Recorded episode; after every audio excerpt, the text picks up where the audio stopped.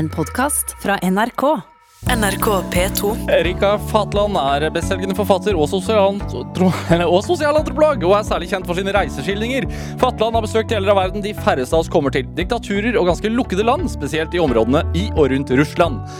Hun hylles for egenhendig og fornyet reisesjangeren, er oversatt til 23 språk og har mottatt flere priser for sitt forfatterskap. Dette er Drivkraft med Vegard Larsen i NRK P2. Erika Fatland, hjertelig velkommen til Drivkraft. Tusen takk. Tryna på navnet med en gang. Ja, det er fort gjort. Ja, det, jeg, sa det, altså jeg sa det før vi skulle gå på her, at det er jo ikke eh, Erika, det er jo ikke Erika, det er Erika. Ja, Erika. Ja, Fatland. Ja Fatland, ikke sant? Så det er Ikke dobbelt T. Flatland og ikke Helga. Nei, det er vanskelig, det Og det snakket vi om så mye at jeg klarte å snuble. Jeg beklager. Jeg vet det, jeg gjorde mitt beste for å psyke deg ut. Ja, det er, det er sånn som sånn, sånn, sånn skjer. Det er sånn, sånn når man endelig har fått lagt barn, sånn som jeg driver med for tiden, og skal være veldig, veldig stille. Det er da jeg bråker mest. Så det, men uh, uansett, velkommen hit til Drivkraft. Det er veldig hyggelig å ha deg her. Takk, takk. Hvordan har du det? Det har jeg veldig bra. Uh, akkurat nå så liksom Jeg hadde kjempetravelt eh, i årevis eh, frem til i dag, egentlig. Altså, nå er bare kalenderen sånn tom og deilig frem til jul. Senke skuldrene, puste dypt. Det er herlig. Jeg liker denne koronatiden, jeg. Ja, du gjør det? Ja, jeg, får liksom, jeg har ikke vært så mye hjemme før. og Det er jo egentlig ganske hyggelig. Er det greit å si at man liker det, egentlig? Ja, altså Det er et nytt konsept for meg, dette med å være så mye hjemme. Men jeg syns det, det er trivelig. Ja, du er, du er, midlertidig, i alle fall. Hva liker du med det? Det er noe med å gå rundt og ikke bo i en koffert. At klærne henger fint i klesskapet, og eh, kaffen minst ligger i skuffen, og tingene mine er der de skal være. Og jeg går ut, og alt er kjent og kjært. Og ja, ikke noe nytt å forholde seg til. Det er litt sånn avslappende. Det, de, altså, det som er hverdagsliv for de fleste av oss? Ja, det ja. meg så er det litt eksotisk. Hvor, altså, sånn prosentvis, hvor mye lever du i en bag? Det er eh, mannen min, eh, Erik Fossnes Hansen, han eh, driver av en eller annen grunn og fører statistikk over hvor mye jeg er borte. Jeg vet ikke helt hva det er han prøver å si meg med det. Men i fjor så hadde jeg 278 reisedager. Eh, Det var kanskje litt mye. Det er litt mindre i år. Mye mindre i år. Hva, hva, altså, var det for å ferdigstille boka di høyt i som var, som var grunnen til disse reisedagene i fjor, eller var det lanseringer, eller hva drev du med? Eh, Det var mye Da var jeg jo i eh, Himalaya i tre måneder i fjor. I Nepal og i Tibet. Det var jo en del av disse eh, 278 dagene. Og så, ja, så var det jo Frankfurt, der Norge var hovedsatsing. Og så fikk jeg På et grunn av eh, bok, bok, bokmesse og sånne ting? bokmesse, og så var det, fikk jeg et arbeidsstipend, eller hva si et arbeidsforfatterleilighetsopphold i eh, Amsterdam, så jeg var der en måned. Og så var jo Erik og jeg, vi reiser mye sammen også, så vi var tre måneder i fransk Polynesia for å skrive. Der var vi eh, da eh, alt stengte. Da var vi på den andre siden av jorden og liksom bare så hvordan den ene flyplassen etter den andre stengte, og vi var egentlig ferdige da med å være i fransk Polynesia. Eh, Men vi skulle krone hele oppholdet i Stillehavet med et opphold på Påskeøya før vi eh, skulle hjem. Eh, Men akkurat da begynte alt å stenge, og i Chile så marsjerte soldater i gatene for å opprettholde portforbudet. Og vi hadde på en måte da valget mellom å risikere å bli stuck på Påskeøya i månedsvis, verdens mest isolerte sted, eller komme oss hjem. Så vi valgte siste alternativ. Men var det en diskusjon? Jeg vurderte hele tiden til og fra, men skal vi ikke prøve da? Skal vi ikke prøve da? Det kan jo hende det går bra. Og så Erik bare jo da, men hvor spennende er det å se på disse mohaiene sånn på sikt, sånn på dag 64? Der har vi en til, ja. jeg tror kanskje ikke vi har sett så nøye på denne. Mohaiene, det er det, Det er de der statuene, statuene. steinstatuene som står der. De er jo spennende, de, men jeg vet ikke om i hvor mange måneder de byr på underholdning. Um, Erika, altså Du er jo skriver reisebøker. En slags form for reisebøker. Eh, hvorfor og, og nå som det er korona, og sånn som du sier selv, altså nå må det endelig altså, må det være hjemme. Hvorfor tror du at det er så viktig for oss som mennesker å reise og oppleve? Nei, som eh, Thomas eh, Hylland Eriksen har sagt, eh, norske sosialantropologen, eh, mennesker har jo føtter, ikke røtter. Mennesket har jo alltid vært eh, i bevegelse. Vi har eh, flyttet oss over kontinenter, vi har vært eh, nomader. Um, her i Norge er det jo som en kystnasjon veldig lang tradisjon for å reise over Atlanterhavet, ut i Viking. Altså, vi er bevegelige vesener. Det er jo slik det, det er jo derfor det er mennesker over absolutt hele kloden. Hva skjer med deg, da? Hva får du ut av å reise, sånn generelt? Er sånn hat-elsk-forhold. Um, når jeg er hjemme, sant, så blir jeg rastløs og tenker på hvor spennende det er å reise. Og det er jo en nysgjerrighet også, selvfølgelig, som driver meg. Når jeg er på reise, så har jeg sånne fantasier om appelsinpressen min hjemme. hvor jeg kan starte dagen med det nypressede appelsinjuice. Fordi det å reise det er spennende. Det som er spennende med det, er jo at ingen dag blir lik. Så på en måte, Jeg føler at det å reise derfor forlenger eh, livet. Eh, fordi eh, det blir aldri rutine. Å reise blir aldri rutine. Du vet aldri hva dagen bringer. Hjernen kan aldri gå på automatgir. Det er alltid nye ting å sette seg inn i og, og få med seg og lære. samtidig så er jo det å reise sånn ekstremt mye ubehag. og det gjelder ikke bare om man drar til en eh, fattig nepalsk fjellandsby, men det er jo også om man bare drar til Roma. ikke sant? Selve reisen er jo veldig ubehagelig. Um, skal stå i kø på Gardermoen, og skal du sitte i en sånn blikkboks i timevis, og så er det å vente men, på bagasjen som ikke kommer, og så blir du lurt av taxisjåføren. Men handler ikke det om måten vi har valgt å reise på? Altså sånn At måten vi har valgt å reise på i moderne tid er ganske sånn stressende? Jo, men det er jo ikke noe mer behagelig å ta bussen eller å gå til fots. Altså, eh, poenget mitt er at det er mye fysisk ubehag eh, med å reise. Um, så ofte så tenker jeg at reiser er best i ettertid, uh, når vi har lagt alt dette strevsomme, trivielle bak oss, og så husker vi bare høydepunktene, ikke sant. Vi husker å vandre rundt i Romas gater i skumringen og sitte og ta en drink på Piazza Navona. så man husker bare høydepunktene. Husker ikke kranglingen om hvilken restaurant man skulle gå på, eller det lave blodsukkeret. Det er i så fall da bare en, en, morsom historie, ikke sant. Men alvor og ubehag er borte vekk i minnene. Ja. Hva, og Derfor tror jeg man reiser ut på ny og på ny, da. Fordi vi har litt dårlig hukommelse, rett og slett. Hva, hva tror du skjer med oss nå som vi ikke får reise, da? Jeg tror det er mange nå som lider av abstinenser. Eh, jeg kjenner jo på det selv også, selv om jeg skrøt av at det er så hyggelig å være hjemme. Eh, men der er jeg ambivalent. Ja. Du har begynt å sortere bøker i stedet, så det er liksom ja, nei, nei, så desperat at jeg begynte å sortere bøker. Og det har jo holdt meg beskjeftiget nå i tre dager. Jeg er snart ferdig, da. Vi har jo så mange tusen bøker. Ja, Du nevnte jo mannen din også, som også er forfatter. Hvor, hvor mange bøker har dere? Jeg prøvde å regne på det. Jeg tror vi har 6000-7000 bøker. Og nå har vi også samlet 20 eh, kasser som skal til eh, antikvariat. Men det var jo en del av bøkene som var ganske greit å sortere bort. Sånne eh, skader som følge av atombomben. Eh, eh, arbeidernes eh, leksikon. Nei, forresten, den ville Erik beholde. Nei, det er, det er diskusjoner rundt hver eneste tittel. hvem, hvem, hvem er du den som vil kaste, eller den som vil beholde? Jeg vil kaste, kaste, kaste. Og Erik går og henter ut av bunken og sier ja, men denne kan vi jo ikke kaste, Erika. Og denne er det så mye minner knyttet til, så han er mer eh, sentimental enn jeg er, da. Jeg er mer brutal. Hva, hva, tror du det sier om deg at du bare les deg Den er lest, den kan jeg kaste. Altså, nå skal det si at jeg har en del bøker, jeg også, men jeg vil jo gjerne kaste Eriks bøker. Dette er Drivkraft med Vegard Larsen i NRK P2. Og i dag har vi den prisbelønte reiseskildreren eh, Erika Fatland her i Drivkraft i P2. Eh, altså, du er aktuell med boka Høyt, eh, en reise i Himalaya. Som du har turnert Norge med nå den siste, siste tiden, så du har jo reist litt, da. Ja, jeg har vært overalt. Jeg har vært i Molde og Røros og Haugesund og Bergen. Jeg har på en måte ligget i forkant av smittebølgen hele høsten, så når jeg har reist, så stenger alt bak meg. Så fortsetter jeg videre.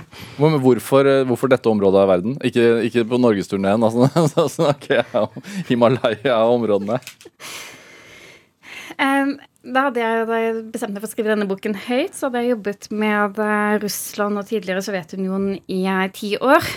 Så jeg tenkte at nå får det være grenser for eh, fantasiløshet. At nå må jeg variere temaet her litt. Og så kan det også, etter å ha jobbet så lenge med, med Russland, greit med en russlandspause. Og da tenkte jeg hva er det som er mer spennende, mer fascinerende enn Russland og tidligere Sovjetunionen? Og svaret ga seg selv. Det var ikke vanskelig engang. Det måtte jo selvfølgelig bli verdens høyeste fjellkjede. Og man kan jo også se på Himalaya eh, som en, en grensesone. For min siste bok om Russland, da reiser jeg jo langs Russlands grense. Den heter grensen, rett og slett. Den heter Grensen, rett og slett. Eh, og eh, kan man se på Himalaya som en eh, buffersone, som en fysisk grense mellom de to mest folkerike landene i verden. Det er et eh, politisk ekstremt spennende område. Eh, ser du på kartet over Himalaya, så går landegrensene, disse røde strekene, de går i oppløsning og blir til stiplede prikker, for det er så mye uenighet rundt hvor grensene skal gå oppe i høyfjellet. Og så er det jo kulturelt ekstremt spennende, fordi det bor så veldig mange ulike folkeslag i disse fjellene. Og man møter alle mulige religioner når man reiser rundt der. Så det er kanskje det mest spennende området i hele verden, mener jeg. ok, det må utdypes. Mm -hmm.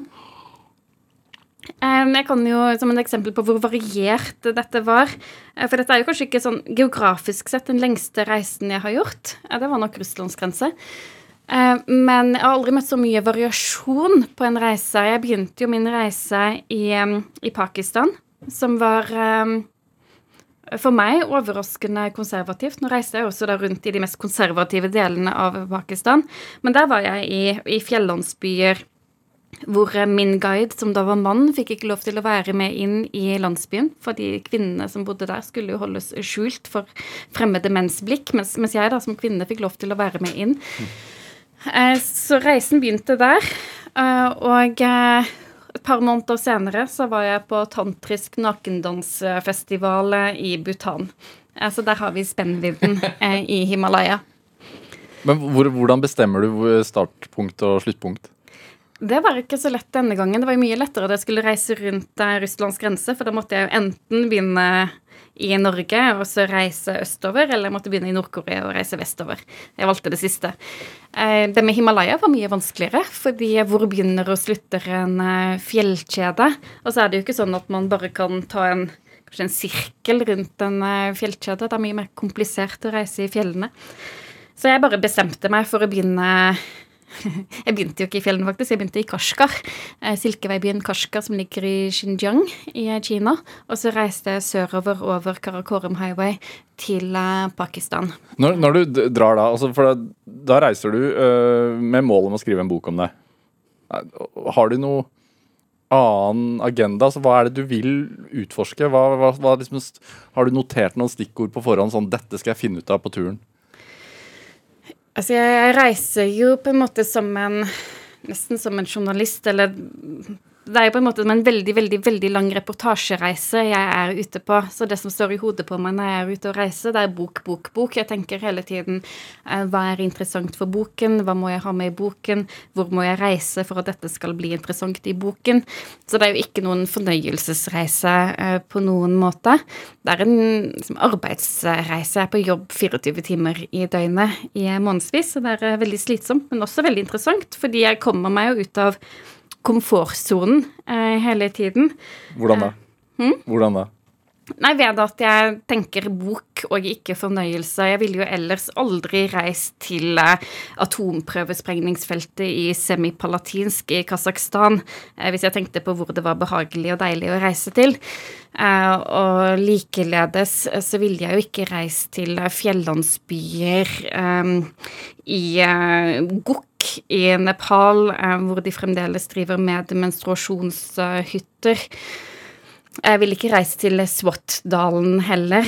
Um, eller andre steder som står på Utenriksdepartementets liste over steder man ikke bør reise til. Men så tenker jeg at uh, det må jo med i boken. Det er jo spennende å skrive om. Man skal jo skrive om Himalaya, og så er jo dette interessante biter å ha med. Ja, for det er jo ikke en reiseskildring som er sånn uh, Legg ut på samme reise som meg. Her er de tre beste restaurantene. Det er en annen type reiseskildring du beskriver ikke gjør som meg. Ja, Det er mer det. Det er mer sånn, eh, det er ikke en eh, Lonely Planet-guidebok. Det er det ikke. Men ja. det er en bok hvor jeg Du reiser for at vi kan slippe, rett og slett? Ja. Og så er det en bok som ikke handler så mye om meg som person. Det er jo mange reiseskildringer som handler mer om den reisende. At det blir en, en åndelig reise ut av det, en spirituell reise hvor den reisende reiser ut i verden egentlig for å finne seg selv. Eh, mens jeg reiser ut i verden for å finne ut um, mer om verden. Så det som er var hovedanliggende i denne boken, det var jo å finne ut uh, hvem er disse folkene som bor i Himalaya, i verdens høyeste fjellkjede. Hvem er de? Uh, hvordan har de det? Um, det finnes jo utrolig mange bøker som handler om tindebestigninger i Himalaya. En eller annen fjellklatrer som skal bestige en eller annen tinde sammen med den personen som man kaller for sin sherpa. Eh, dette er en helt annen type bok. Ja, For du beskriver hvem sherpaen er? Ja, eh, jeg var jo i Basecamp også, for Everest Basecamp, for jeg tenkte jeg kan jo ikke skrive en bok om eh, Himalaya uten å touche innom temaet Mount Everest. Um, men jeg skulle jo ikke opp til Mount Everest, det hadde jeg ingen planer om. Eh, jeg nøyde meg med Everest Base Camp, som ligger på 5300 meter. Det er høyt nok. Og jeg dro dit i klatresesongen, både for å finne ut hvem det er som skal til toppen, men fremfor alt da, for å snakke med sherpaene og alle disse andre som er involvert i denne klatreindustrien, som det jo er blitt. Og det som gjorde mest inntrykk på meg i Basecamp, det var da jeg møtte Eh, to sherpa-enker eh, som skulle opp til eh, toppen for første gang for å hedre sine døde ektemenn, og for å skape bevissthet rundt sherpa-enkenes situasjon. Og dem hører vi jo ikke så veldig mye om, skjerpa enkenes situasjon. Men landsbyene på vei opp til Everest Base Camp er fulle av enker. Ja. Som man aldri hører om. Mens mennene deres har hjulpet klatrere ja, altså det eh, Siden Mount Everest ble besteget første gang i 1953, så er det over 9000 eh, som har tatt turen, eller har blitt besteget over 9000 ganger. Eh, men de fleste av disse 9000 ville jo aldri, aldri kommet seg til toppen om det ikke hadde vært for sherpaenes hjelp. Det er jo de som eh, legger til rette stiene, og som hjelper dem opp. Men det, det, dette at du tar lite plass som reisende, fordi altså Du er jo med i bøkene dine, men du er ganske anonym da, altså, i, i forhold til andre eh, reisende forfattere. Eh, hvor bevisst er altså Har det vært bevisst fra starten av at ego skal ikke stå i veien, eller personen skal ikke stå i veien? Altså jeg tenker på meg selv som bokens røde tråd. Leserne følger jo min reise. Mm. Altså det blir eh, retningen i eh, boken. Og så ser jeg på meg selv som leserens øyne og ører. Leseren opplever jo Eh, gjennom meg og det jeg ser og hører og opplever. Eh, så jeg på en måte Dette høres jo kanskje litt rart ut, men på en måte sånn leserens medium, da. Uh, så jeg tenker at uh, leseren må jo få et lite innblikk i hvem jeg er som person, slik at man kan identifisere seg med meg, men mitt hovedanliggende er å å møte menneskene underveis og få dem i tale og finne ut hvem de er. Og det er jo menneskemøtene i bøkene som for meg er eh, drivkraften, og som er um, det viktigste i disse bøkene. Hvorfor, det? Altså, hva er, hva er det du ønsker at vi skal lære av det? Fordi det finnes så mange interessante mennesker der ute, og det finnes så mange interessante menneskeskjebner. Eh, jeg hadde jo egentlig tenkt da jeg var liten så drømte jeg om å bli forfatter, altså en romanforfatter, og jeg så for meg at jeg skulle skrive dype, innsiktsfulle romaner som skulle endre verdenslitteraturen fullstendig. Altså jeg var et ambisiøst lite barn. Um, men nå som jeg har begynt å skrive sakprosa og nå de siste årene reisebøker, eh, så har jeg egentlig lyst til å fortsette med det, fordi jeg tenker at virkeligheten overgår jo som regel fantasien. Og jeg møter hele tiden mennesker om hvem jeg kunne skrevet uh, hele bøker. For eksempel i Sikkim så møtte jeg en Hvor er Sikkim? Sikkim, ja. Sikkim kommer til det. Det ligger mellom eh, Nepal og Bhutan. Det var et lite uavhengig kongedømme i Himalaya. Det ble det i 1975 annektert av India. Um, og, men da jeg dro til Sikkim, så møtte jeg da eh, datteren datteren til den siste kongen som ble satt i husarrest i 1975 av inderne. Så jeg møtte rett og slett en eksprinsesse eh, i fjellene i Himalaya som da fortalte meg hennes historie eh, slik hun hadde opplevd dette som barn. Um, I uh, Kashmir, helt på grensen mellom India og uh, Pakistan, så møtte jeg en mann, en gammel mann uh, Haji Hassan, eh, som har bodd i dette urolige området hele sitt liv. Og han har bodd i det samme huset, i den samme landsbyen. og sånn. Han hadde ikke flyttet seg en meter, og likevel så hadde han bodd i tre forskjellige land. Han ble født i britisk India. Og så i 1947, etter delingen, så ble han borger av Pakistan. Og så i 1971, etter en av de fire krigene mellom India og Pakistan, så ble det gjort noen grenseforskyvninger, og så ble han borger av eh, India. Og sånn syns jeg er spennende hvordan eh, enkeltmennesker Hvordan enkeltmenneskers liv påvirkes av storpolitikken. Ja, for det er fellesnevnere for prosjektene dine? Ja, jeg prøver å finne liksom, den store historien i det lille mennesket. Eh, for det er jo tross alt ett og ett og ett menneske som opplever uh, verdenshistorien. Um, et annet eksempel da jeg var i, i Georgia. Der er det jo to utbryterrepublikker, Abkhasia og Sør-Osetia, som egentlig teknisk sett er en del av Georgia, men som på 90-tallet løsrev seg. Og en av disse er eh, Sør-Ossetia. Sør-Ossetia er stengt fra georgisk side, så jeg kunne ikke reise inn i eh, Sør-Ossetia. Eh, og det var vanskelig nok å bare komme seg bort til grensegjerdet. Jeg måtte da voktes av væpnede georgiske soldater, fordi russerne på den andre siden av gjerdet, de hadde det med å kidnappe folk som kom litt for nær gjerdet, og så arrestere dem eh, og beskylde dem for å ha krysset grensen ulovlig. Og der var du? Og der var jeg, jeg, men poenget var ikke at jeg var der, men jeg skulle da snakke med en mann eh, som hadde bodd også, samme egentlig som Haji Hassan i eh, som jeg møtte i Kashmir. Denne gamle mannen hadde også bodd i samme landsby hele sitt liv. Eh, og så våknet han en morgen, og da hadde grensen, grensegjerdet Det hadde blitt flyttet flyttet i løpet av natten. Så plutselig så bodde han ikke lenger i eh, Georgia, men eh, var fanget eh, i Sør-Osetia på den andre siden av grensegjerdet. Og nå måtte han snike seg ut i nattens mulm og mørke over til georgisk side for å hente pensjonen sin. Du er opptatt av grenser? Jeg er veldig opptatt av grenser. Jeg syns grenser er kjempefascinerende. Noe av det mest fascinerende som finnes. Fordi at det bare, altså, noen bestemmer at der går grensen? Eller? Ja, det er jo fullstendig menneskeskapt eh, konstruksjon hvor disse grensene går. Og samtidig jeg eh, har ikke regnet på dette, men eh, det må jo være millioner av mennesker som har ofret sitt liv for disse grensene opp gjennom århundrene. Og, og så er det noe med at i dag, når vi reiser i dag så krysser vi jo ikke så mye grenser lenger. Eh, I Europa, Hvis man krysser en grense i Europa, så, så, er jo det høyst udramatisk. Man får det jo ofte ikke med seg engang. At 'oi, nå er jeg visst i Belgia, ikke Nederland lenger'. um, eller så flyr vi, og da, da kommer vi jo midt i, til, inn i hovedstaden og er bare på en flyplass. Um, men å krysse en fysisk grense er kjempefascinerende, fordi du reiser jo ikke langt. Du reiser noen hundre meter, kanskje i høyden et par kilometer. slik at landskapet rundt deg er da helt, helt likt. Det er helt det samme. Det har ikke forandret seg. Eh, og så er du plutselig, når du kommer ut på den andre siden av grensen, du er i en helt annen eh, virkelighet hvor alt er annerledes. Ofte alfabetet, eh, språket, ansiktene du ser rundt deg, referansene.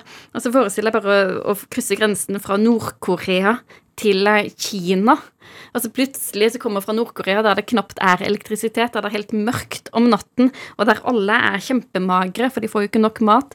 Og så plutselig komme til eh, Kina eh, der det er neonlys overalt, og masse mennesker, og ganske mye feite mennesker også.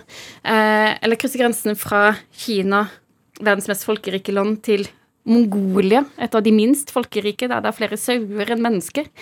Det er fascinerende um, omveltninger. Ja. Hva, hva, hva, betyr det, tror du? Altså, hva, hva, sier det om måten vi har innordnet oss på? Det sier noe om hvor viktig eh, nasjonene er. Um, og hvordan en nasjon på mange måter er en hel ganske lukket og isolert uh, verden. Sånn, Kina er jo én verden, på en måte. Uh, India en annen. Det er nesten feil å tenke på Kina og India som, som land, for det er på en måte mange forskjellige land i India og eh, Kina, eh, som da igjen det er disse lukkede eh, verdenene. Er det noe felles Altså, alle disse menneskene du møter, som du er opptatt av, som du Altså, gjør du intervjuer, eller er det samtaler, eller hva er det? Det er helt forskjellig alt etter hva som er mulig, eller hva som er naturlig. Men er det noen fellesnevnere? Altså, vi, fra, altså mellom folk som kan være vokst opp i vidt forskjellige områder eh, under vidt forskjellige forhold? Så alle er jo mennesker. Ja. Eh, Så jeg tror det vi har mer felles som mennesker enn vi har som skiller oss. Det som skiller oss, er jo gjerne ytre ting. Um, politikk, språket Neonskilt og ikke lys, liksom. Ja, mens uh, dypest sett så er jo mennesker opptatt av det samme, tror jeg. Ofte de nære ting. Um, vanligste spørsmålene jeg får når jeg reiser rundt, er jo om familie. Om jeg er gift, om jeg har barn. Um, slike ting. Og det har jo alle mennesker til felles eh, over hele kloden. Hva er det som berørte deg mest på turen inn i Himalaya-områdene? Å, det er mange ting. Um, kanskje det som var interessant på denne reisen, var å se hvor viktig religion var i folks eh, hverdagsliv.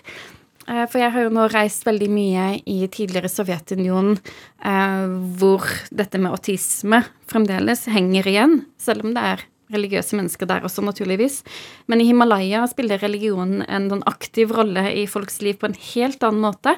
Sånn uavhengig av hva folk tror på. Eh, I Pakistan så spiller jo islam en, en, stor, stor rolle i både hvordan hele landet er organisert, og i folks eh, hverdagsliv. Eh, Men det samme gjør hinduismen i India, eller buddhismen i Bhutan og Tibet.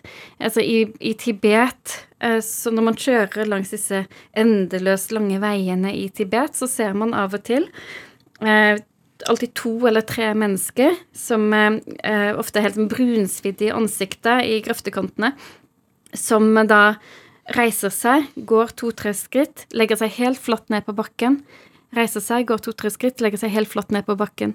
Og dette, De er da på pilegrimsreise. De reiser fra landsbyen de bor i, og så skal de enten til Lhasa, hovedstaden, eller de skal til det hellige fjellet Kailash, som er helt i vest i Tibet.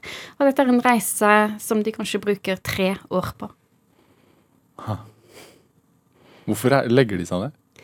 Eh, Det er en del av eh, altså prostrasjoner, kalles det, som er eh, ganske viktig i tibetansk buddhisme. Det er en form for eh, meditasjon, for underkastelse, for eh, altså De sier mantra da, hele veien mens de gjør dette her. Så de vier altså en en slags fysisk meditasjon. En, en, en måte man gjør eh, pilegrimsreiser på.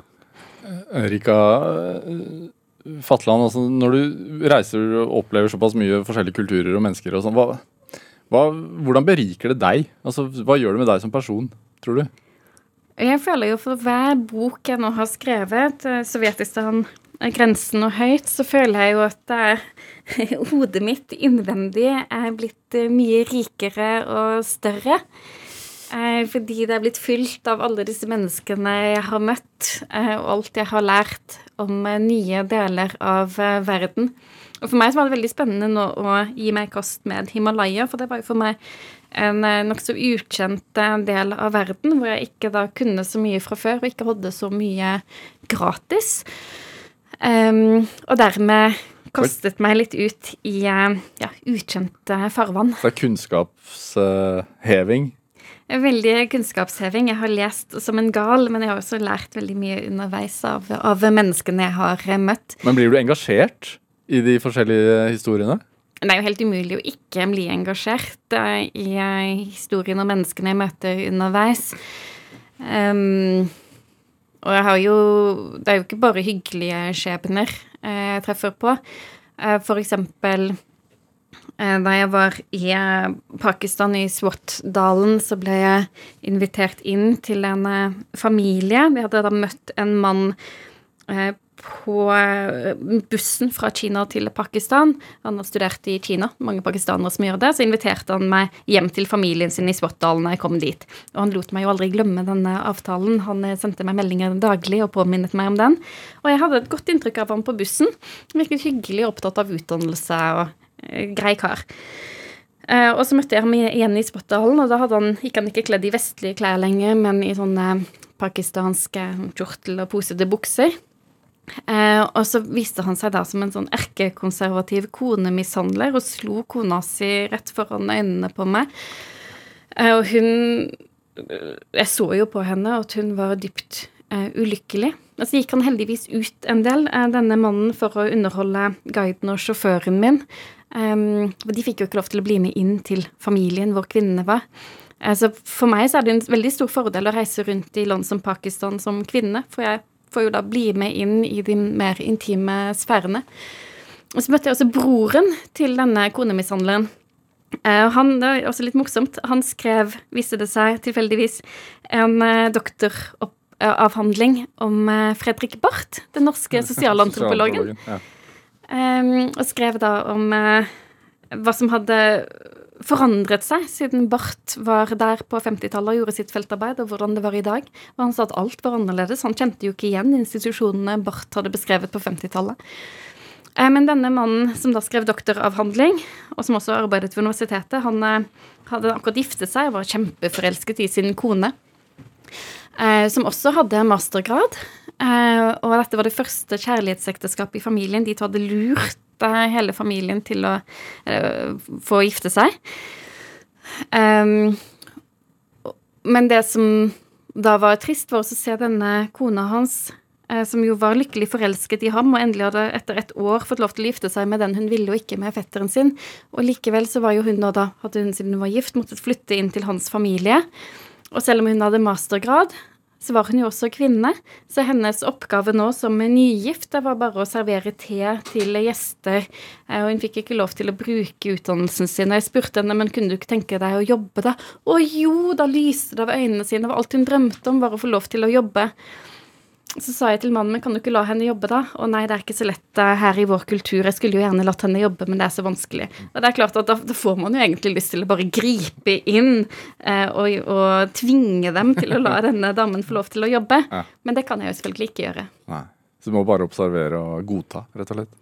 Ja, vi hadde en avtale Vi avtalte faktisk før jeg dro derfra at han skulle la henne få lov til å jobbe. Og så avtalte vi at jeg skulle sende en mail om et år og høre hvordan det gikk. Og jeg sendte en mail som avtalt, men jeg fikk aldri noe svar. er, det, er du redd når du reiser sånn aleine? Ja, eh, rett som det er. Eh, det jeg er reddest for, og det er kanskje ikke så sexy, men det er transportetappene. Eh, det farligste man gjør, eh, er jo stort sett å sette seg inn i en bil. Og kjørekulturen i mange land er jo mildt sagt interessant. Ja. Og sjåførene tar det som en personlig fornærmelse man tar på seg sikkerhetsbeltet, for da har man jo ikke tillit til hans kjøreevner. Og på denne reisen i Himalaya så har det jo vært mange og lange og vonde og ubehagelige transportetapper på svært hasardiøse fjellveier. Eh, hvor det da ligger sånn, sånn, til inspirasjon en masse rustne bilvrak nede i skråningene. eh, og så er det jo så det har vært en del innenriksflyvninger, særlig i Nepal, for jeg skulle jo til en del steder hvor det ikke var bilvei. Mm. Det var Eneste alternativet var å sette seg inn i et uh, nepalsk innenriksfly. Og da gjorde jeg jo den tabben at jeg først leste meg opp på ulykkesstatistikken til um, flyselskapet. Det må man, det må man aldri, aldri gjøre. gjøre. um, Fatland, uh, du har med litt musikk. Uh, til oss. Du har med en låt som heter Nebo Mulchit. Uh, jeg sa det sikkert feil. Nieba Malchit, som betyr uh, himmelen tier, eller skyene tier. Ja, uh, med altså franskmannen Gerard Depardieu og uh, Gogosha. Hva er, det? hva er dette for noe? Hva er Gulnara Karimova, som var datteren til diktatoren i Usbekistan. Han døde for noen år siden. Og hun var så lenge han levde, og så lenge alt gikk bra, før hun ble fengslet Eh, så var hun Usbekistans mektigste kvinne. Hun hadde mange parallellkarrierer gående som motedesigner, eh, parfymedesigner, og også da som eh, musiker. Eh, og eh, alle i Usbekistan var jo da tvangsinnlagt til å høre på musikken hennes og se musikkvideoene hennes eh, døgnet rundt. og så Jeg vet ikke helt hvordan hun ble kjent med Gérard Depardieu, men Gérard Depardieu er jo sånn generelt en diktatorvenn blitt. Liker Putin og Putin og, og Ramzan Kadyrov, diktatoren i Tsjetsjenia, og også da eh, Gulnara Karimova, eller Gugusha, som er kunstnernavnet hennes. Så de to spilte inn en eh, rørende musikkvideo sammen. Det synes, dette syns du er morsomt. Ja, dette syns jeg, Da har jeg veldig sansen for.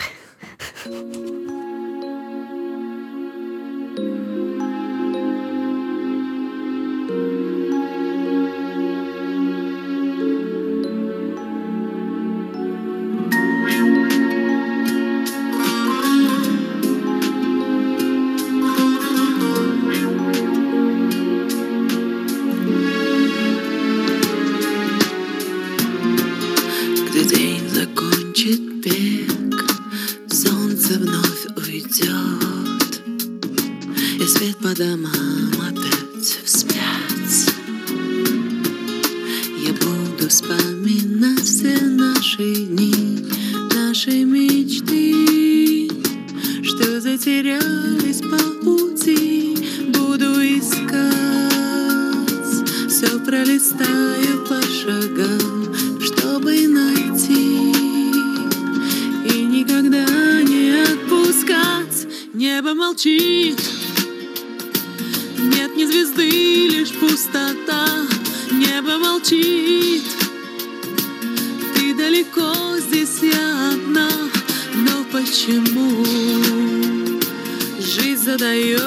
ребятки нам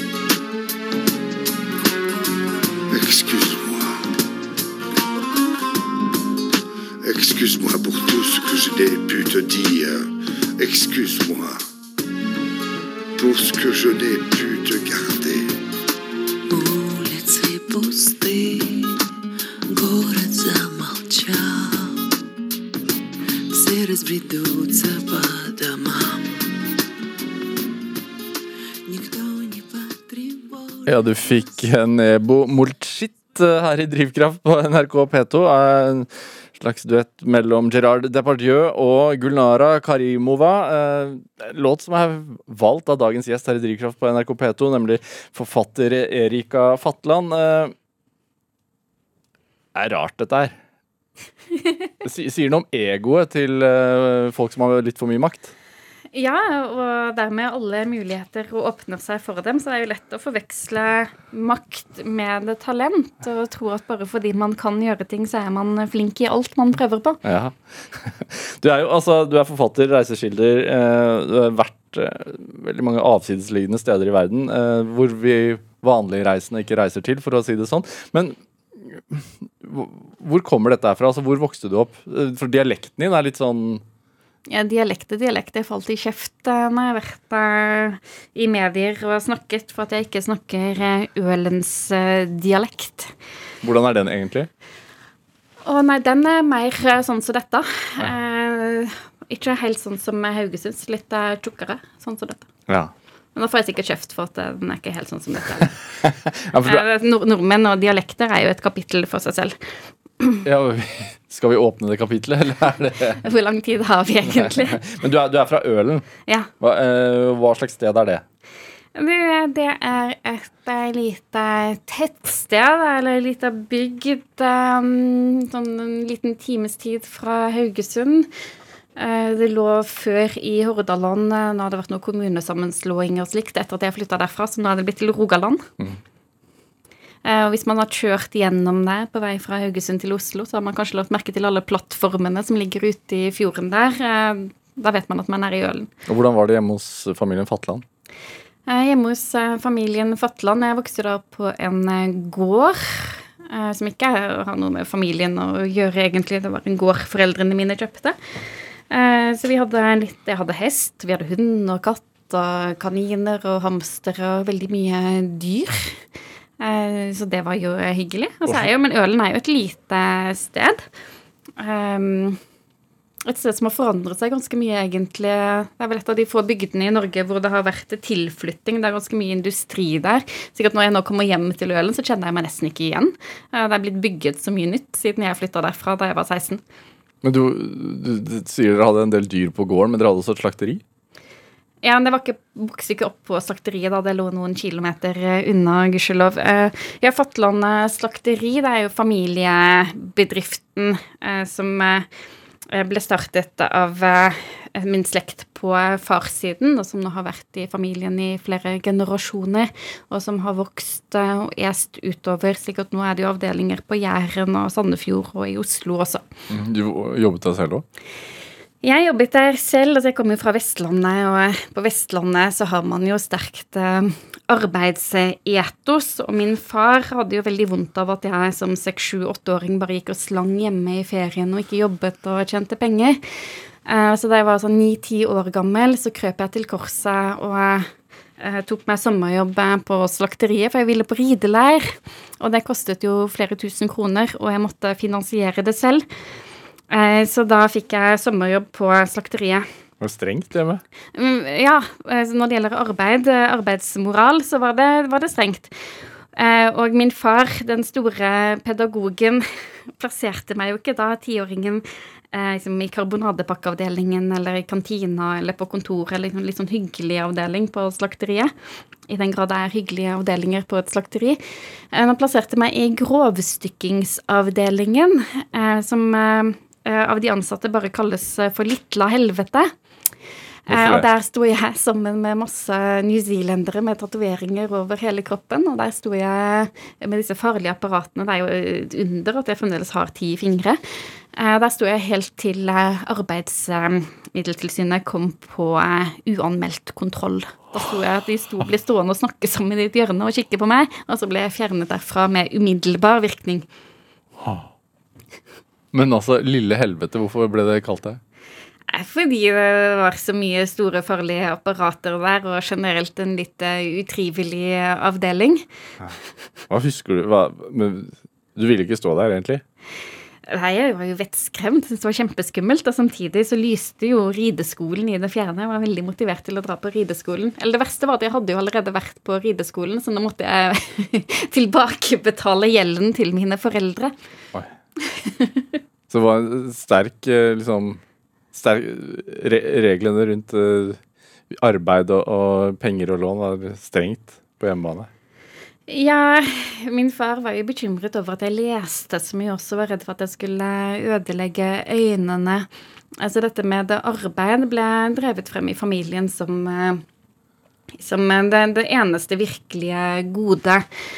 Um, så det er kanskje ikke så rart at jeg etter dette traumatiske eh, traumatiske opp opplevelsen i barndommen eh, både ble vegetarianer og veldig arbeidssky. Så jeg har jo ikke hatt en ordentlig jobb eh, som voksen, da. Nei, men du har ganske høy arbeidsmoral, vil jeg tro.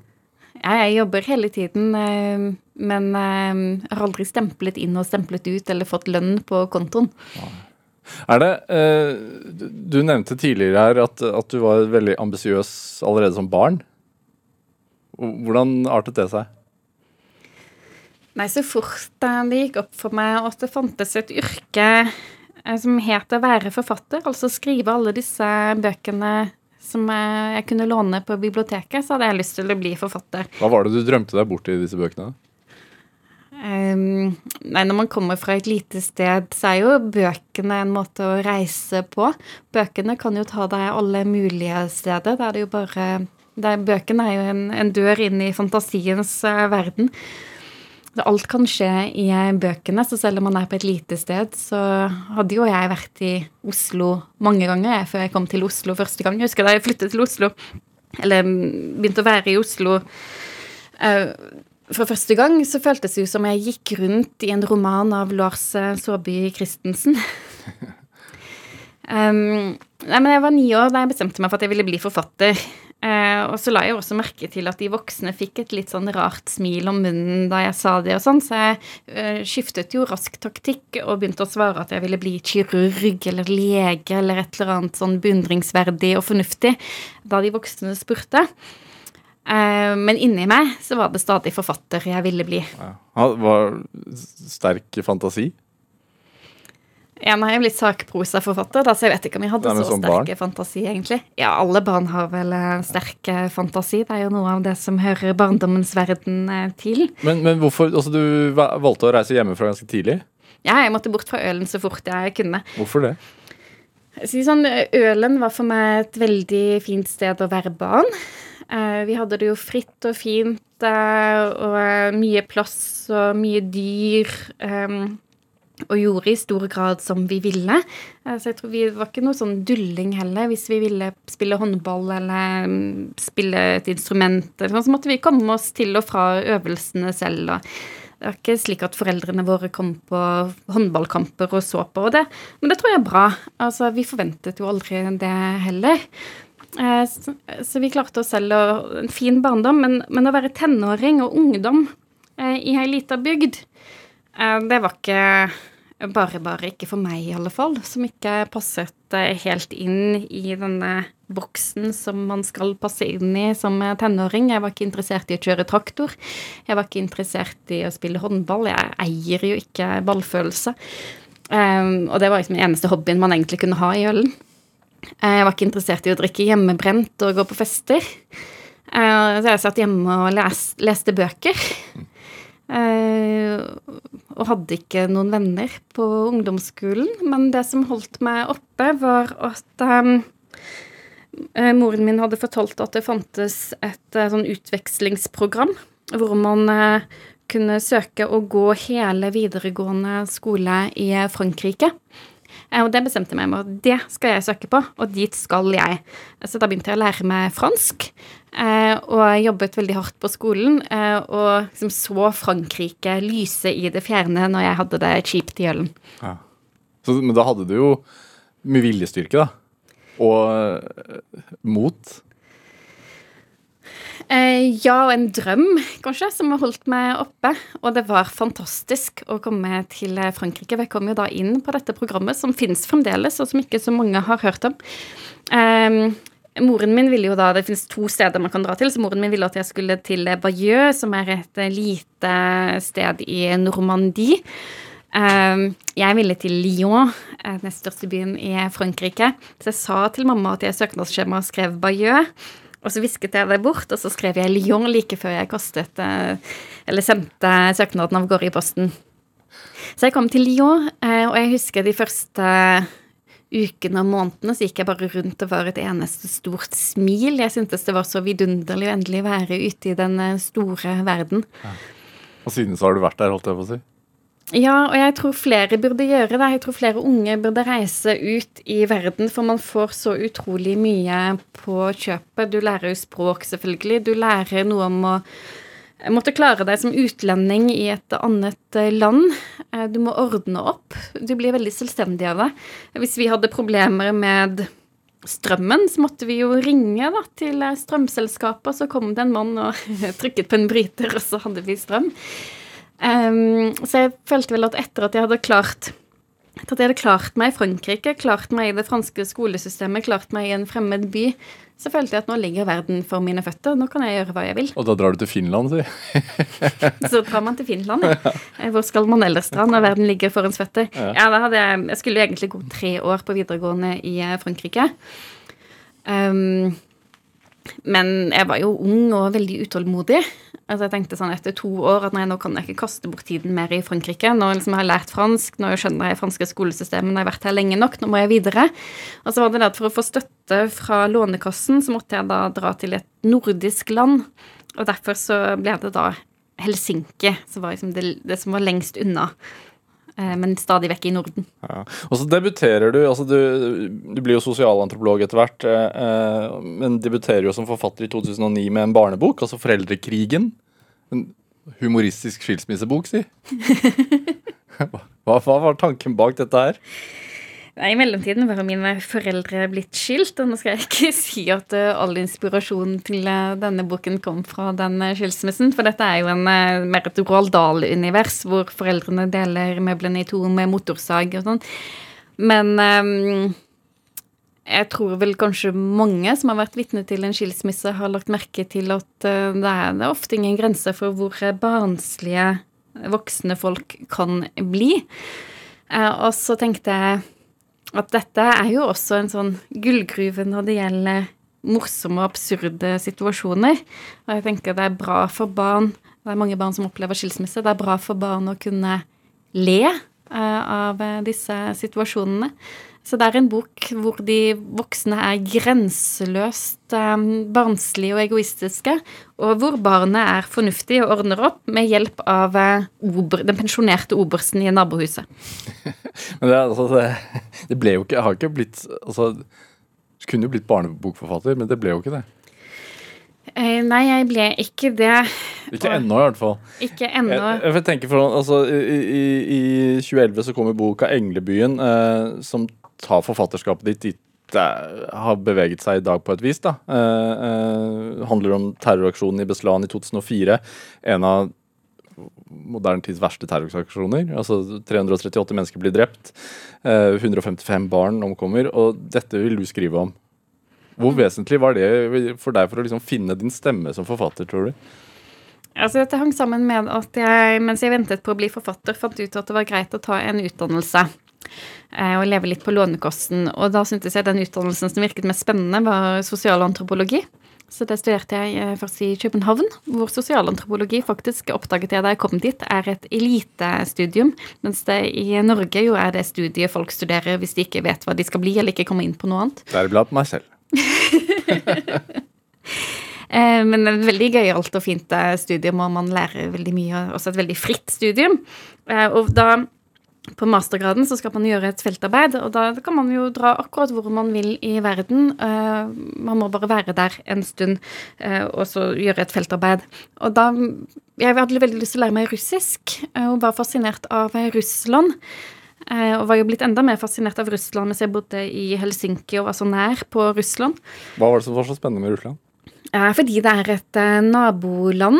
Så det er jo geografisk ikke langt fra Norge til Russland, og likevel Veldig fjernt. veldig fjernt. Et enormt kultursjokk å komme til Russland første gang.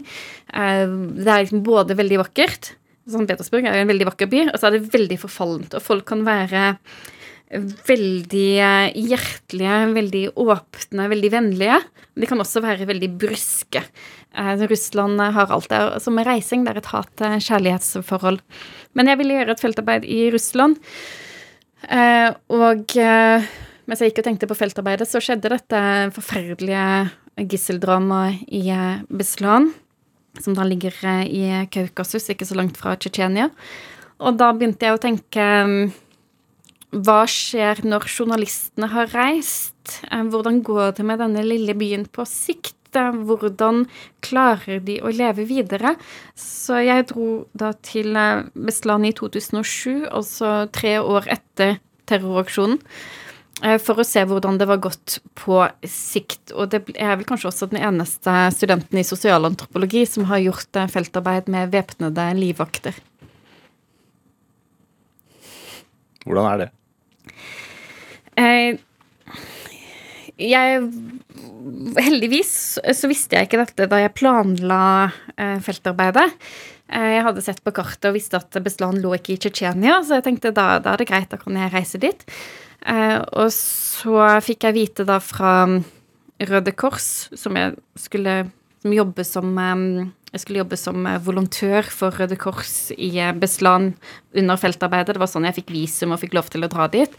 Og de sendte meg sånn tre uker før jeg skulle dit. Så jeg, ja, forresten, Erika, dette har vi jo glemt å si til deg. Men ifølge Røde Kors retningslinjer så må du når du er på feltarbeid i Beslan, ha væpnede livvakter døgnet rundt, og dette må du betale for selv, og det koster 115 000.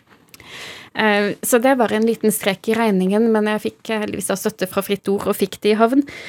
Eh, Og så er jo dette da Kaukasus, eh, som er eh, en av de mest korrupte regionene i, i Russland. Sikkert disse livvaktene som jeg fikk, og som jeg hadde betalt for i dyre dommer, viste seg da å være noen slektninger av den lokale lederen i Røde Kors. Så de var jo sterkt overvektige og kjederøkte og ble sittende i denne lille Ladaen og spille sånn Gameboy-spill mens jeg var inne og snakket med folk.